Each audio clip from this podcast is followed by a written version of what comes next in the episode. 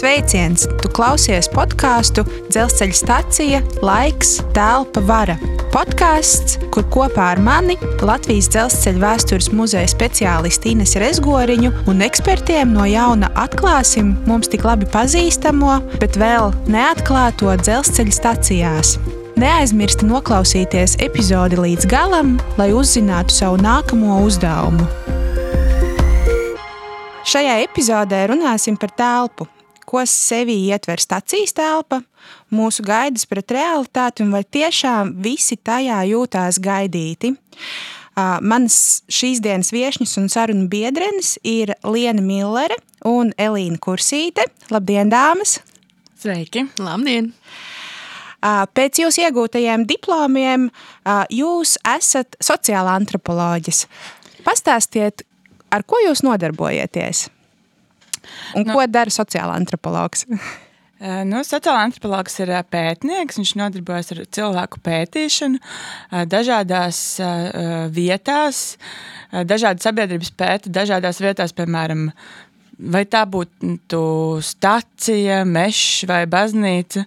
Mēs mm, interesējamies par to, kā viņi sadzīvo, kā, kādas paražas, kādas uh, darbības notiek ar cilvēkiem konkrētās vietās, konkrētajā laikā un telpā. Es gribu papildināt, ka, manuprāt, sociāla antropologi ir eh, vienkārši ziņkārīgi un zināt, kā ir cilvēki, kādas esam arī mēs. Tad, principā, var teikt, ka sociāla antropologs ir tas, kurš pēta cilvēkus dažādās telpās. Laikos, telpās un vietās. Jā. jā. Nu, lūk, un esam kaut kā plūstoši nonākušas pie uh, pie šīs dienas galvenās tēmas telpa. Un tu, dārgais klausītāj, iespējams šo arī klausies kādā telpā. Paskaties sev apkārt, pievērs uzmanību, kā tā iekārtota, kam tā paredzēta, un uzdot sev šķietami vienkāršu, bet ļoti sarežģītu jautājumu, kāpēc tā? Dzelzceļa stacija arī ir telpa, ar kuru daudzi no mums saskarās ikdienu. Tieši tādēļ, aplūkojot stacijas un aplūkojot staciju telpas, mēs varam uzdot jautājumu, kāpēc tā. Un vai iespējams skatot to, var raksturot sabiedrību. Liena ir veikusi pētniecisko darbu, kuras virs, virsrakstā ir kāds citāts.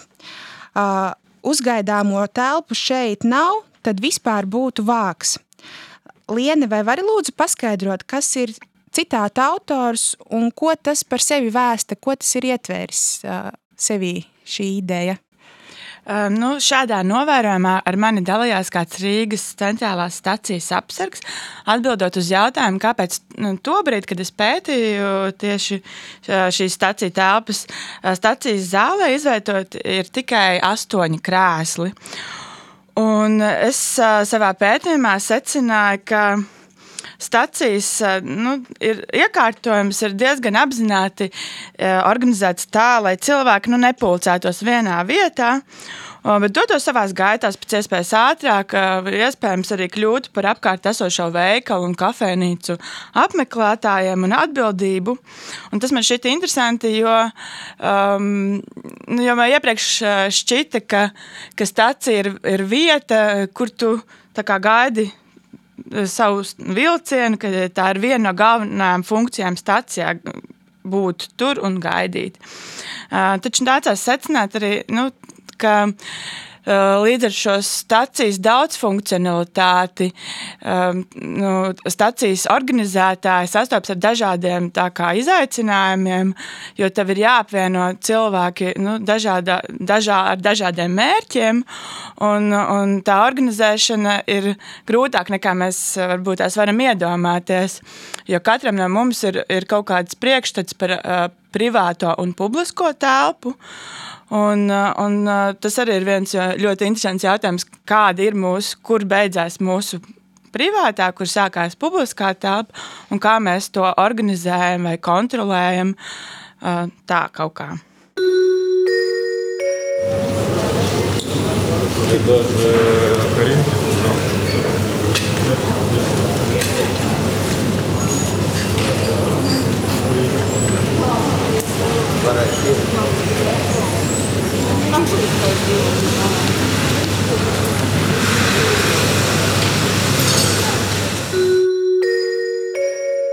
Uh, bieži vien Rīgas uh, pilsētas viesi apmulst, ieejot Rīgas uh, centrālajā dzelzceļa stacijā.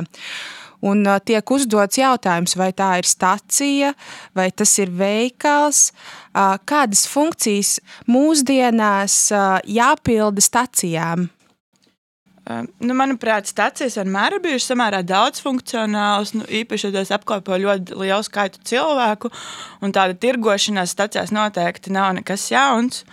Um, un, um, Bet jāsaka, ka, ka stācijas vēsturiski ir tomēr nu, nogrāvušas daudz tādas daudzas barjeras, arī kultūras barjeras, un pavēra iespējas cilvēkiem daudz vairāk ceļot un, un pulcēties un iepazīt viens otru.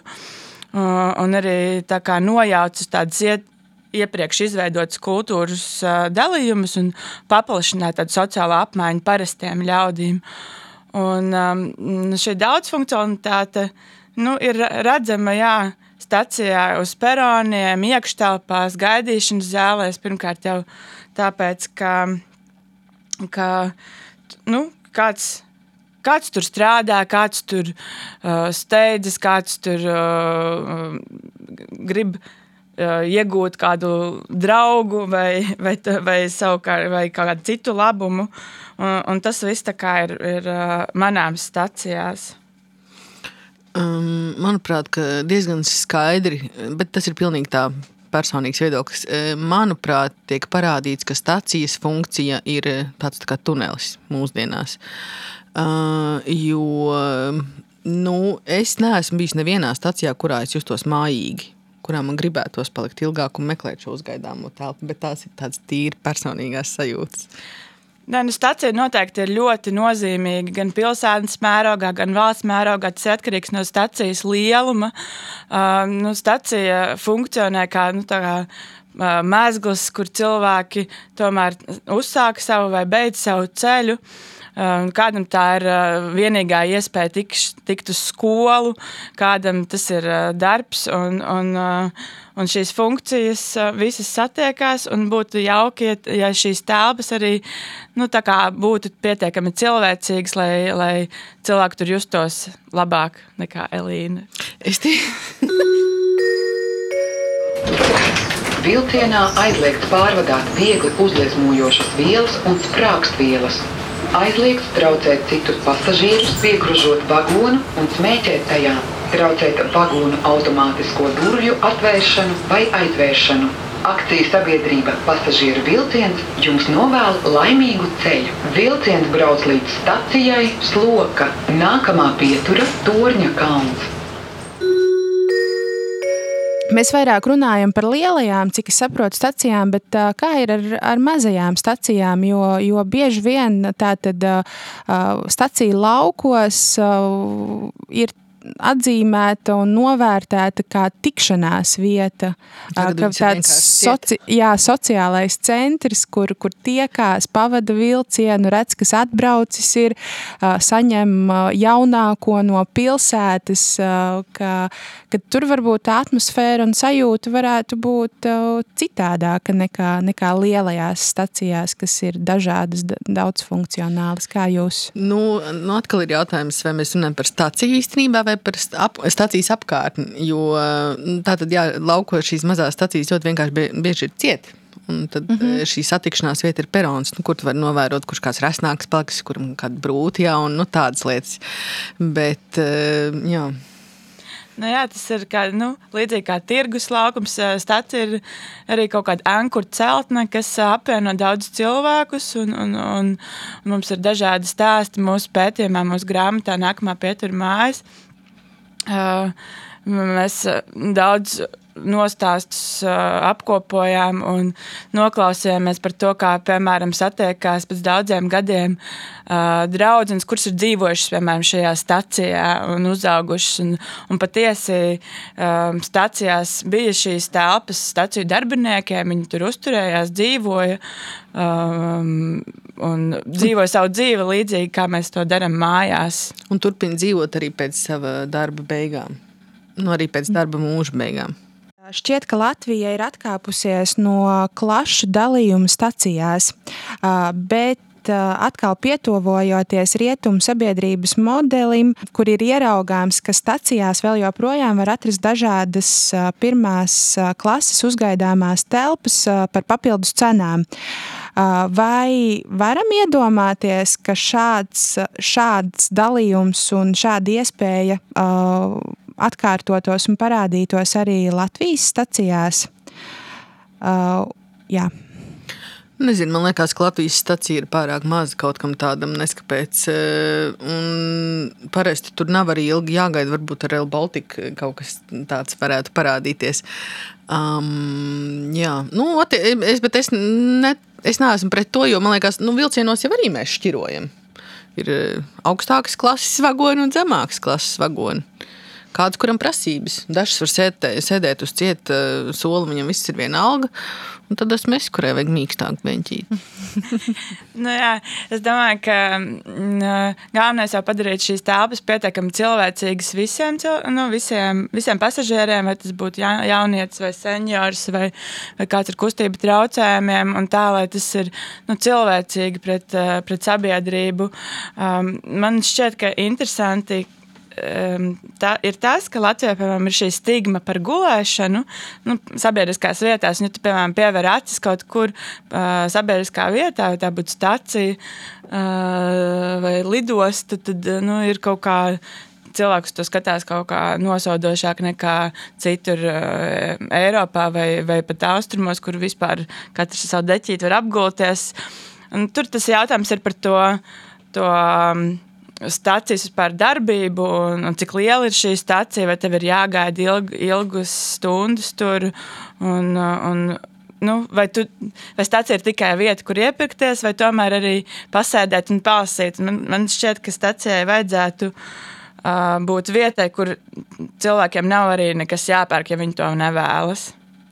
Lienu, tu jau sāki iezīmēt šo te nākamo jautājumu, ko es gribēju jums abām pajautāt. Kādai kopumā jūsuprāt būtu jāizskatās telpai nākotnes dzelzceļa stacijai Latvijā?